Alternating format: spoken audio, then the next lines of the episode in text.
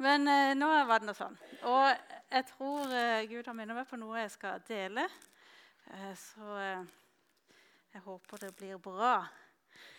Bare Jesus er jo liksom høstens tema. Og bare Jesus, verdens håp, er min tittel. Nå skal jeg bare sjekke at jeg får dette til. Åh, oh, sjekk! Wow.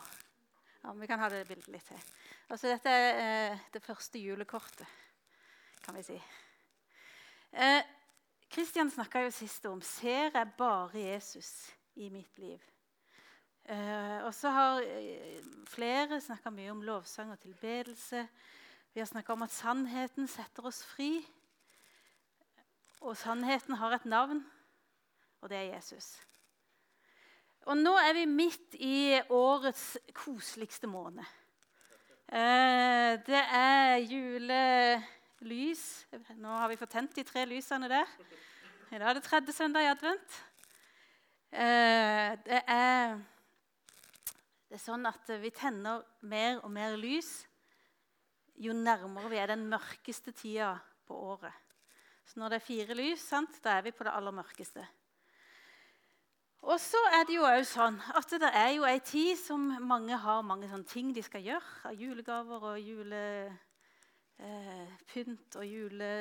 Ja, nå har jeg sikkert skrevet opp mange ting her. Mye forberedelser. Eh, og så er det jo òg sånn at liksom, å, nå, nå, skal vi kose oss, dere. Nå må vi nyte denne tida. Og så av og til så eh, er jo jula litt som et forstørrelsesglass. At det er det som faktisk er fint, det blir finere. Og det som ikke er fint, det som er vondt, det kan bli vondere. Eh, og jeg har snakka med flere i denne tida. Altså De som er ensomme resten av året. Det blir liksom ekstra ille i, jula når alle skal være sammen. De som eh, har andre vonde ting i livet, som jo gjelder veldig mange så er det akkurat som at det blir ekstra forsterka i denne høytida. Og når vi ser på Facebook alle som koser seg eh, det, Der legger vi jo ut glansbildene. sant? Eh, eller Instagram, eller hvor vi nå legger det. Eh, og så har jeg snakka med flere som sier Kan vi virkelig synge 'Deilig av jorden' i denne tida? Altså, Det er jo krig i verden. Det er massevis av barn som blir drept. Det er sult, det er elendighet. Er jorda egentlig deilig? Er det egentlig eh, Kan vi egentlig feire midt i dette mørket? Og det korte svaret er jo ja, vi kan det. For bare Jesus er verdens håp. Eh, og så kunne jeg jo kanskje avslutte nå, men jeg har lyst til å si litt mer. Å, smykket henger fast. ja. Jeg skal ta den vekk med en gang. like så godt. Takk, Johan. Eh, da går eh, Å, er det smykke òg, ja? Og det er ikke bare én ting. Se her. Takk. Nå har jeg tatt av øredobben i tilfelle, men smykket var synderen. Ja. Sånn er det når vi skal liksom pynte oss og greier. Eh, takk, takk, Johan. Å, du er snill. Kan vi virkelig feire når det er så mye elendighet? Eh, og så Gjennom hele Bibelen så har Gud, eh, kan vi lese om at Gud sier at vi skal feire. Eh, og Hvis dere vil, så kan dere gå inn på eh, Imi kirka sin podkast og høre noen kjempegode taler om feiringer der.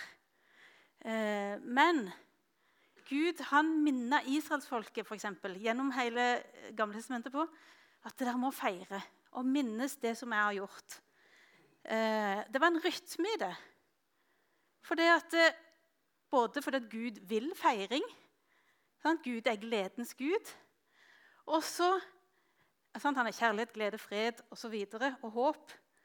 Og eh, når den bortkomne, eller den sønnen som valgte pengene og reise ut i verden, og alt det der, når han kommer hjem, så står det at vi må, vi må lage til fest. For denne sønnen min var borte, men nå er han kommet hjem, og vi skal feire. Gud vil at vi skal feire, og vi trenger å feire. For det, hjelper oss til å huske åssen stor Gud vi har. Eh, det hjelper oss til å eh, holde, håpet, holde fast i håpet. Eh, og i januar i år så hadde vi i Nordmisjon en nordmisjonsfest i Bogafjell kirke, der Svein Høysæter talte, og han snakka om håp. Og da bestemte jeg meg for at det skulle være ordet mitt dette året. Det er håp. Eh, han, han, sa til og med at dere kan jo skrive det på Facebook sånn, i navnet. Så, men det har jeg ikke gjort, da. Men eh,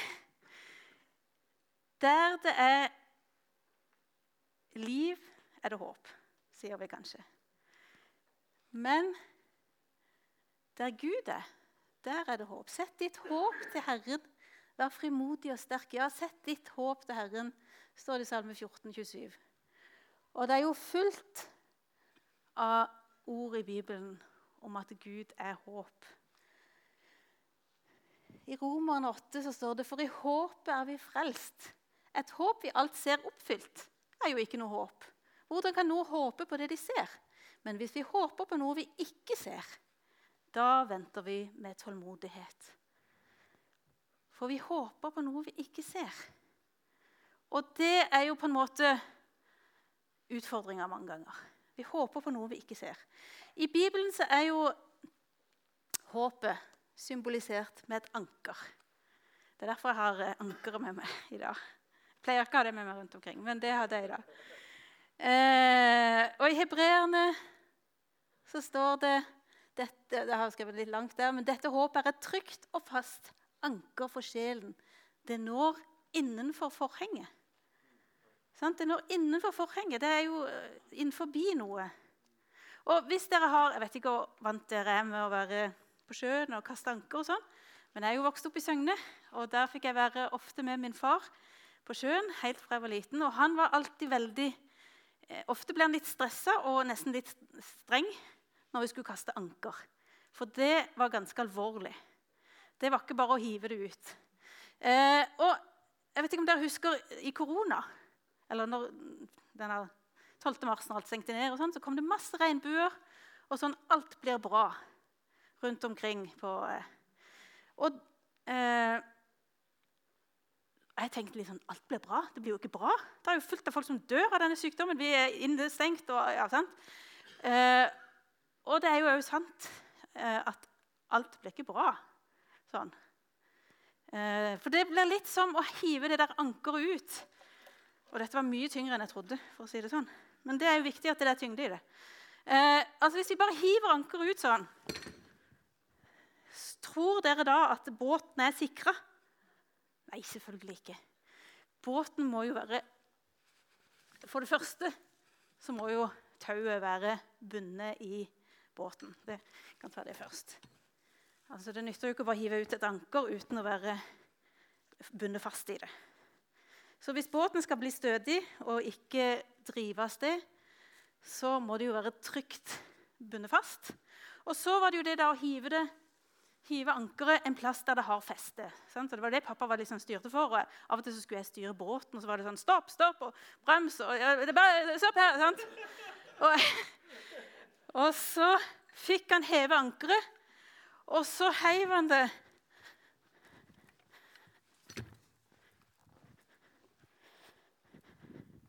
Og så var det fast i bunnen. Og så lå båten fast. Og nå hadde ikke jeg noe forheng å hive det bak.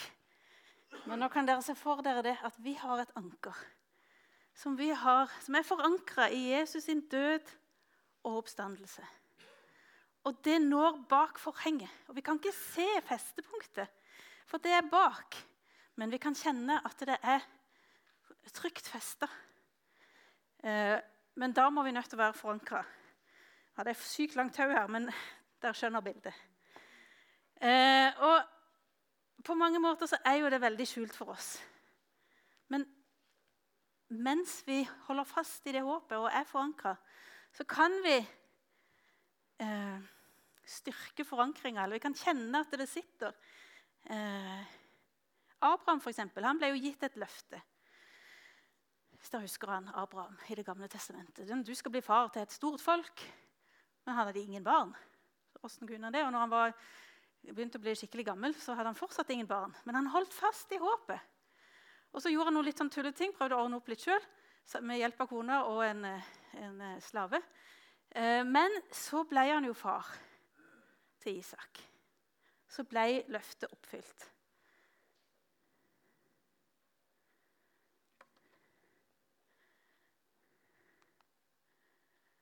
Nå går vi mot jul, så da måtte jeg ha med Maria. Da sa Maria, 'Se, jeg er Herrens tjenestekvinne. La det skje med meg som du har sagt.' Dette er jo fra Lukas 1. Maria hun var jo ei ung jente. Vi tror, de som har, Ikke vi, men jeg stoler på de som har forska på det. Og De sier at hun antagelig var i tenårene. Kanskje i begynnelsen av tenårene. Hun var trolova med Josef. Og det var egentlig det samme som å være gift med. Bare at de hadde liksom ikke fullbyrda ekteskapet. De hadde ikke flytta sammen enda, kanskje. Eh, det var like bindende i fall, som et ekteskap. Og så kommer det en engel til henne og sier at du skal bli med barn. Og det er ikke noe hvilken som helst baby, og det er Gud som er far. Og eh, du blir eh, Ja, sant? Det er Og hun sier jo, som fornuftig er, ja, men åssen kan det skje? Jeg har jo ikke vært sammen med noen mann. Og så sier Gud, nei, engelen at jo, Gud skal gjøre det. Og så sier hun da disse ordene. Se, jeg er Herrens tjenestekvinne. La det skje med meg som du har sagt. Men så sier engelen òg noe før dette. At se Elisabeth, hun, din slektning, hun òg langt opp i årene. Alle trodde at hun var barnløs. Og så nå er hun gravid. Hun er faktisk alltid sjette måned. Så jeg syns du skal reise opp til henne. Og det står det videre her i den teksten her, at Maria noen dager senere skyndte hun seg opp til Elisabeth. Og når Elisabeth hørte Marias hilsen, så sparka barnet i mage, magen hennes, og hun ble, hun ble fylt av Den hellige ånd og ropte høyt.: Velsignet er du blant kvinner, og velsignet er frukten i ditt mors liv. Hun fikk med en gang et profetisk ord og velsigna ut. Vi vet, kan jo være Hun visste det allerede at hun var gravid, det vet jo ikke jeg. Men for meg ser det ut som at hun fikk et ord der på at her er det et, eh, noe Ei velsigna kvinne. Eh,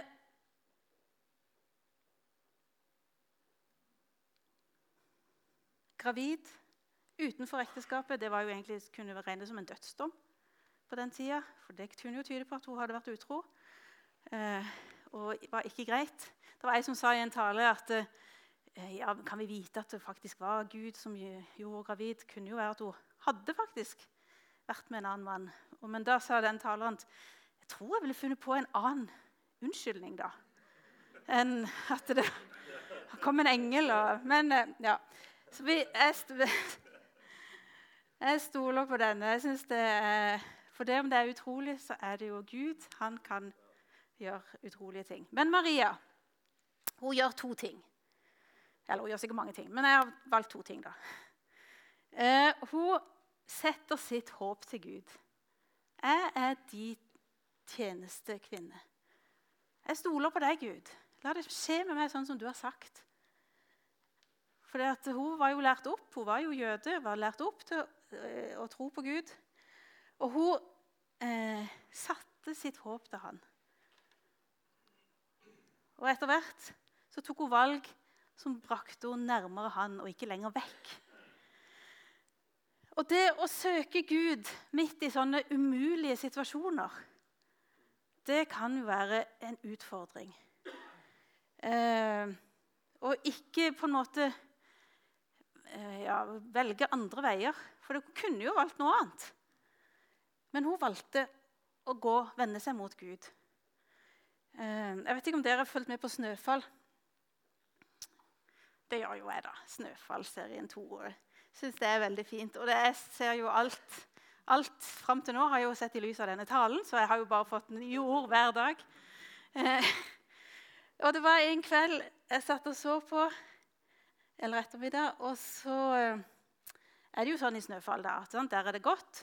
Og så er det, men det er et mørke, og en må ikke gå inn i mørket. Og så er det likevel ei som går inn i mørket.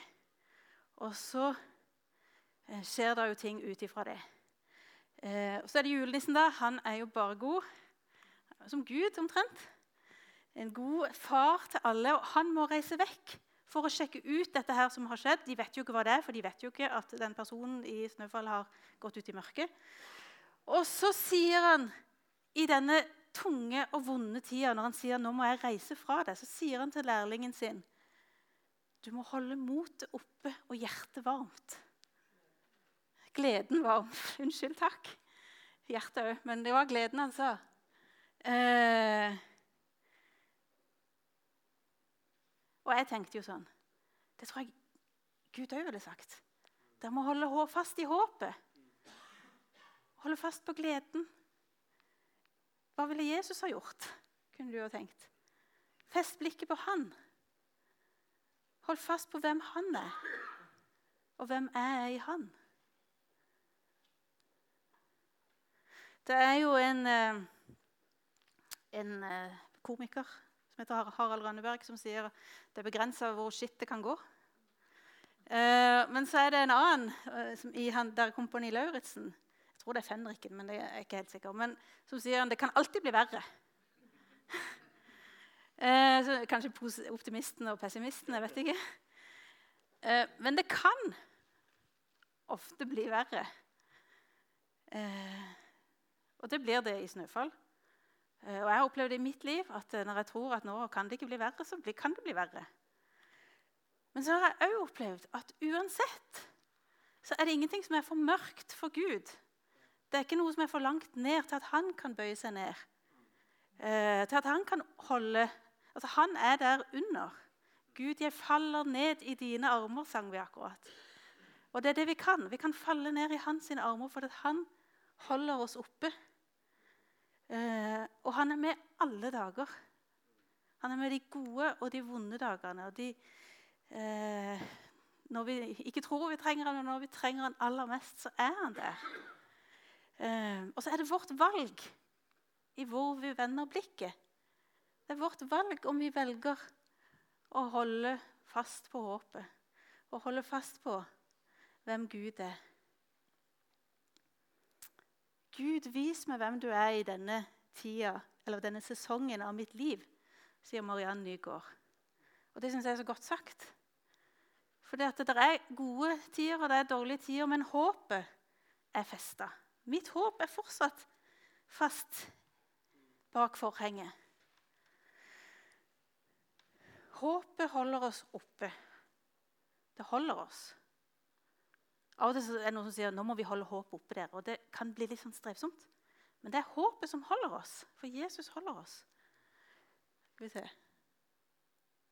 Og så snakka jo Kristian sist om at uh, vi har jo denne motstanderen, da, eller fienden, eller hva vi velger å kalle den. Eh, og så skal vi ha fokus mest på vårt eget lag, sa Kristian. Og det tror jeg, eller fokus mest på altså ikke, Vi skal ikke se oss redde for mørket. Men det kan være godt å vite litt om motstanderen sine triks, har jeg lært. Ikke at jeg er noe veldig sånn, fotballspiller eller håndballspiller. Det er sikkert ikke dere heller, siden dere er her. Eller så har dere ofra håndballfinalen for å være her. Det har dere jo uansett. Så takk for det. Eh, men det å vite litt om hva er det liksom, hva er det fienden alltid pleier å gjøre. Og vår fiende han pleier alltid å ta oss på der vi er svakest. Der vi har det svakeste punktet, og der man kan ramme oss mest. Eh, det er liksom knepet. Og hvis han kan ta håpet fra oss La oss få oss til å få tenke at nei, det er håpløst. Bare gi opp. Så har han eh, virkelig ramma oss. Jeg kan ikke si han har vunnet, for det har han ikke. Men han, eh, og, og, og, fienden vår, han er jo løgnens far. Så han vil kanskje ta en, nest, altså en, noe, en, en hendelse eller noe sånt, og så vil han vri det sånn at det ligner på en sannhet. Men det er, det er ikke sant. Det er løgn. Sant? Så, og det å gjenkjenne det sant? Har Gud virkelig sagt, kan han si, f.eks. Uh, og når jeg på, var på Hjertefokus, så lærte vi å avsløre favorittløgnene. Uh, og det kan jo f.eks. være Gud har forlatt oss. Han bryr seg ikke om oss. Eller situasjonen er håpløs. Jeg er aleine om dette. i denne kampen. Jeg har all grunn til å være redd og bekymra. Eller en helt annen vinkling Jeg burde ikke være motløs nå. Det, det må jo være noe galt med meg. Men han er fullt av sånne løgner. Og avslør de. Tenk igjennom. Hvor er det du er mest sårbar? Hvor er det du kan rammes hardest? Og så, eh, så tal sannhet inn mot de løgnene. For vi har jo fått Den hellige ånd. Vi vet at lidelsen gir utholdenhet. Nå har jeg snakka litt om det mørke og lidelsen. og sånn. Utholden, utholdenheten et prøvet sinn, og det prøvede sinn håp. Og håpet skuffer ikke, for Guds kjærlighet er utøst i våre hjerter ved Den hellige ånd som Han har gitt oss. I motsetning til Maria så har vi fått Den hellige ånd. Og vi har tilgang på Guds ånd, som kan minne oss om hans sine sannheter som kan komme med glede og fred. Jeg snakka med ei som eh, skulle ha en prøve, og så, eh, så, bare sa hun etterpå at jeg bare, jeg bare tenkte ikke på noe annet. Jeg bare var helt fokusert. Jeg tror det må være Guds fred som kommer over meg. Eh, og sånn kan Gud gjøre. Alt, den hellige ånd vil alltid dra oss nærmere Jesus. Og sannheten setter oss fri. Og det å snakke sant og det å leve Av og til så kan det liksom være liksom akkurat som en litt skummelt, det der med sannhet. Å si sannheten. Men uansett Jeg har gått i veiledning hos ei god dame flere ganger, og hun sier Jeg kan si Jeg kommer selvfølgelig ikke på noen forslag for nå, for jeg har ikke skrevet ned. Eh, men et eller annet. Og så sier hun uff, ja, dette er jo dette er jo ikke, er jo ikke så gøy. Eller dette er jo noe, ja. Sånn er jeg, liksom. Ja, men det er sant, sier hun. Ja, det er sant. Sannheten setter deg fri. Hvis du går og skjuler sannheten, så blir du ikke fri. Og det kan dere òg se i 'Snøfall', dere. For der har dere Luna, som skjuler sannheten. Og hun er ikke fri i det hele tatt. Men hun kommer nok til å bli det. Jeg tror på julaften så går det bra til slutt. Bare slapp av. Ok, Maria hun holdt fast på håpet. Ja, jeg skal skire opp her. Eh, og så Sannheten setter oss fri. Ja, da kan jeg gå videre der. Må håpets Gud fylle dere med all glede og fred i troen, så dere kan bli rike på håp ved Den hellige ånds kraft. Og så gjorde hun en ting til. Hun reiste til Maria. Nei, det gjorde hun ikke. Hun reiste til Elisabeth. Maria reiste til Elisabeth. Men før det så sier hun det ut. Altså Hun bekjenner med sin munn at 'jeg stoler på deg, Gud. Jeg er Herrens tjenerinne'. Og det der med å si det ut, det må, er òg eh, så viktig. Og faktisk òg Det hjelper å snakke med en venn. Jeg måtte snake, faktisk. ja. Snake med en venn. Jeg hadde ikke brillene på når jeg skrev det. Lars Ove. Eh, det å si det ut til noen Jeg vil bare anbefale på det sterkeste. Det er mye bedre å si det til noen enn å ikke si det i det hele tatt. Hvis du kjenner på noen vonde ting eller et eller annet som du skulle ha fått sagt ut. For Gud, og om ikke annet, så iallfall si det til Gud. For Gud tåler det. Han tåler at vi sier det som, vi, som det er. Og eh, det å si ut Guds sannheter, sånn som Kristian sa sist det tror jeg har enorm virkning i våre liv. Og så si at 'Kjære Gud, nå føler jeg meg motløs.' Men jeg vet at du er med. Jeg vet at du har aldri gått ifra meg. Jeg vet at det er håp. Eh, og så legger jeg det der hos deg. På en måte Si sannheten om åssen du har det, men òg tale ut Guds sannheter om ditt liv. Det tror jeg er det beste tipset jeg har fått. For Mange ganger så tenkte jeg sånn å, jeg burde jo ikke være så motløs, eller jeg burde jo ikke være bekymra, eller jeg burde jo ikke være det ene og det andre. For vi skal jo ha glede, og vi skal ha fred, og vi skal ha eh, kraft. Og, sant? Kan jeg egentlig være kan, kan, jeg være en skikkelig kristen når jeg kjenner på alle disse følelsene? Og så sa hun det. Si det ut. Bekjenn både 'Sånn har jeg det nå', og så Guds sannheter. Men nå skal jeg gå videre til at hun gikk til Elisabeth. Og Johan, du sendte jo ut noen gode vers i dag. Det var det vel akkurat disse. Eh, men først så begynner det med la oss holde urokkelig fast med bekjennelsen av håpet. For Han som ga løftet, er trofast. Og la oss ha omtanke for hverandre, så vi oppgløder hverandre til kjærlighet og gode gjerninger. Og la oss ikke holde oss borte når menigheten samles, som noen har for vane. La oss mye heller oppmuntre hverandre, og det er så mye mer som dere ser at dagen nærmer seg. Maria reiste til Elisabeth. Og jeg var inne på sånn der AI på Snap. Eh, eller AI, eller hva dere kaller det. Eh, og Der står det at vi kan ha håp ved å omgi oss med mennesker som støtter oss. Vi er skapt for fellesskap. Vi er skapt for å være eh, hverandres hverandre. Til og med Adam i paradis. Altså, Han var i paradis, dere. Han hadde Gud som han gikk med. Og til og med da så, så Gud at det var ikke godt for mannen å være alene, så skapte han Eva. Vi trenger hverandre. Og det må være noe gjensidig i det. Hvis, eh, det må ikke være sånn å, si, at det, er alltid jo han som skal hjelpe meg. Men et sånn hverandres hverandre, da kan vi være sårbare overfor hverandre. Eh, og Brené Brown hun har forska på dette med å leve helhjerta. Og hun sier det at å leve helhjerta det krever sårbarhet. Det krever at vi tør å være sårbare for hverandre. Og eh, det å ha eh, noen få du, Jeg mener jo ikke at vi skal stå og dele alt med alle. Men det å ha et lite fellesskap, dere, ha ei smågruppe eller ei huskirke, der vi kan åpne oss og dele av livet for hverandre og være sårbare, det er enormt viktig, tror jeg. At vi kan hjelpe hverandre, oppgløde hverandre til å holde fast i håpet.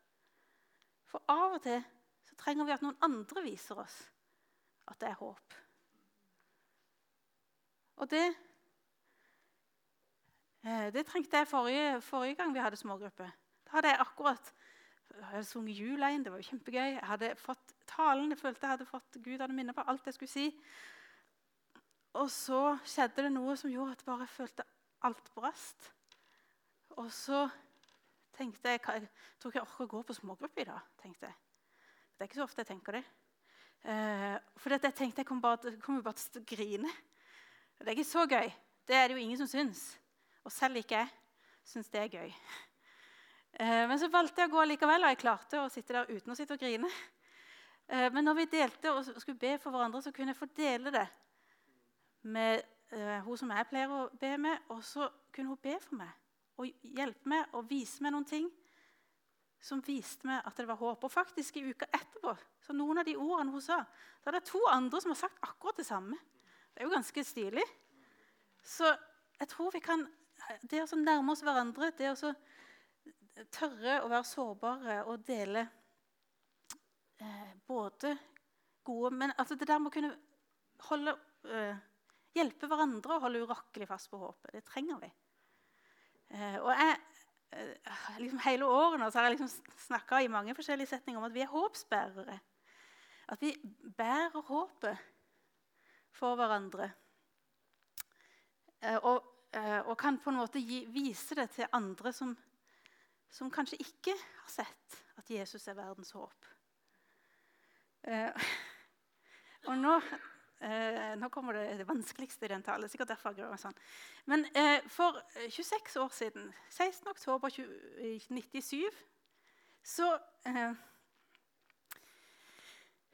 Bare puste litt og drikke litt, så fikk vi vite at det var skjedd ei ulykke med bilen som min søster satt i. Hun skulle på en skoletur, og de var syv i bilen.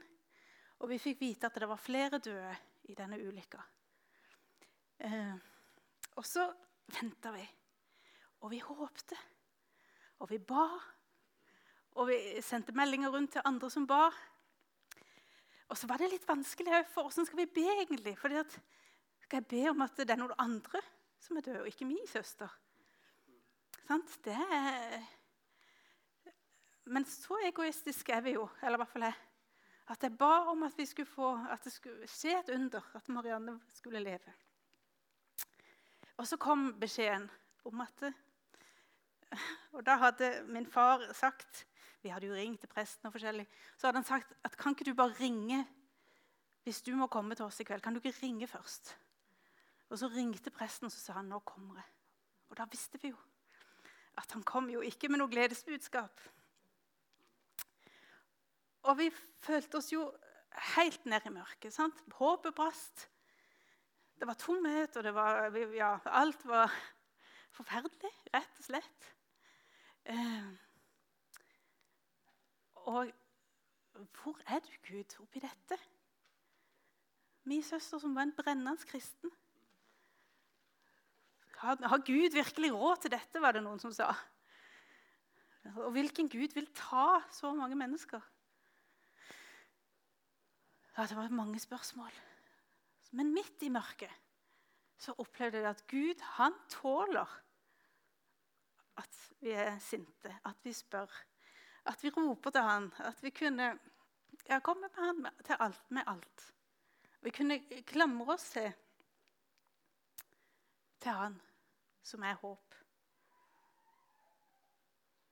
Og så en dag etter eller to da, jeg husker jo ikke tida, tidslinja her, men, men, da hadde vi samtale med, med han som begravelsesmannen, kaller jeg eh, Og så var det liksom hva som skulle stå i dødsannonsen. Og jeg hadde jo veldig lyst til at det skulle stå noe om at hun, var, sant, at hun hadde reist hjem til Gud, eller forfremmet til herligheten, eller noe sånt. Eh, og så eh, Og så sier eh, en i familien at eh, nei, nei, det kan ikke stå det. Det må stå 'Marianne har reist hjem til Jesus'. Og så ble det bare så fint for meg der og da. fordi hun har jo reist hjem til Jesus. Eh, og det at han sa det ut, som egentlig kanskje ikke tror, var òg eh, liksom et vitnesbyrd for meg. Eh, og òg det at Gud han tar ikke, men han tar imot. Tar imot oss her nede, men han tar òg imot når vi får reise hjem. Som Morten Fevang sa en gang. Og det var så godt. Og jeg har et nydelig bilde her. First day in heaven. Jeg ser for meg at sånn er det når man får lov å komme hjem til Jesus så blir det en stor klem, og det blir glede. Himmel og jord møttes, og derfor så har vi verdens håp. Derfor så har vi eh, eh, et sånt fantastisk håp som vi kan gi videre. Jesus kom til jord som et lite barn. En baby. Det mest sårbare. alltid når noen, altså En baby du ser på det, det er jo et under. Tenk at det kan komme sånne små mennesker ut av oss. Det er jo helt, eh, ja, det er jo et under. Og sånn kom Jesus til jord. Og så står han med åpne armer og tar imot. Enten det er her på jord eller i himmelen. Og dette kan vi få lov til å dele videre.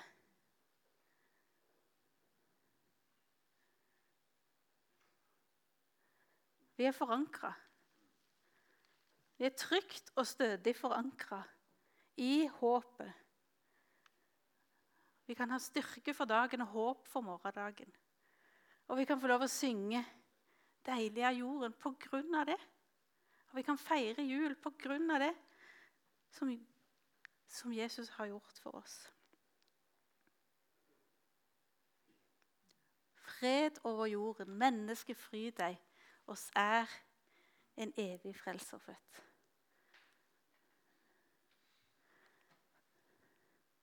Mørket har ikke noe makt over oss som bærer lyset. Og Det bildet har jeg også lyst til at du skal ta med deg hjem. For du er lys. Og du bærer lyset, og mørket har ikke noe makt over deg. Skal vi be. Takk, Gud, for at du kom til jord som et lite barn. Takk for at du eh, elsker oss så høyt at du ga sønnen din. Og takk for at vi kan være trygt forankra i det. I din død og i din oppstandelse. Takk for at du alltid tar imot oss. Og takk for at du er sannheten. Jeg bare ber inn i denne julehøytida som vi står foran, at vi skal få lov til å holde fast, urokkelig fast på håpet. At vi skal få lov til å dele håpet og lyset.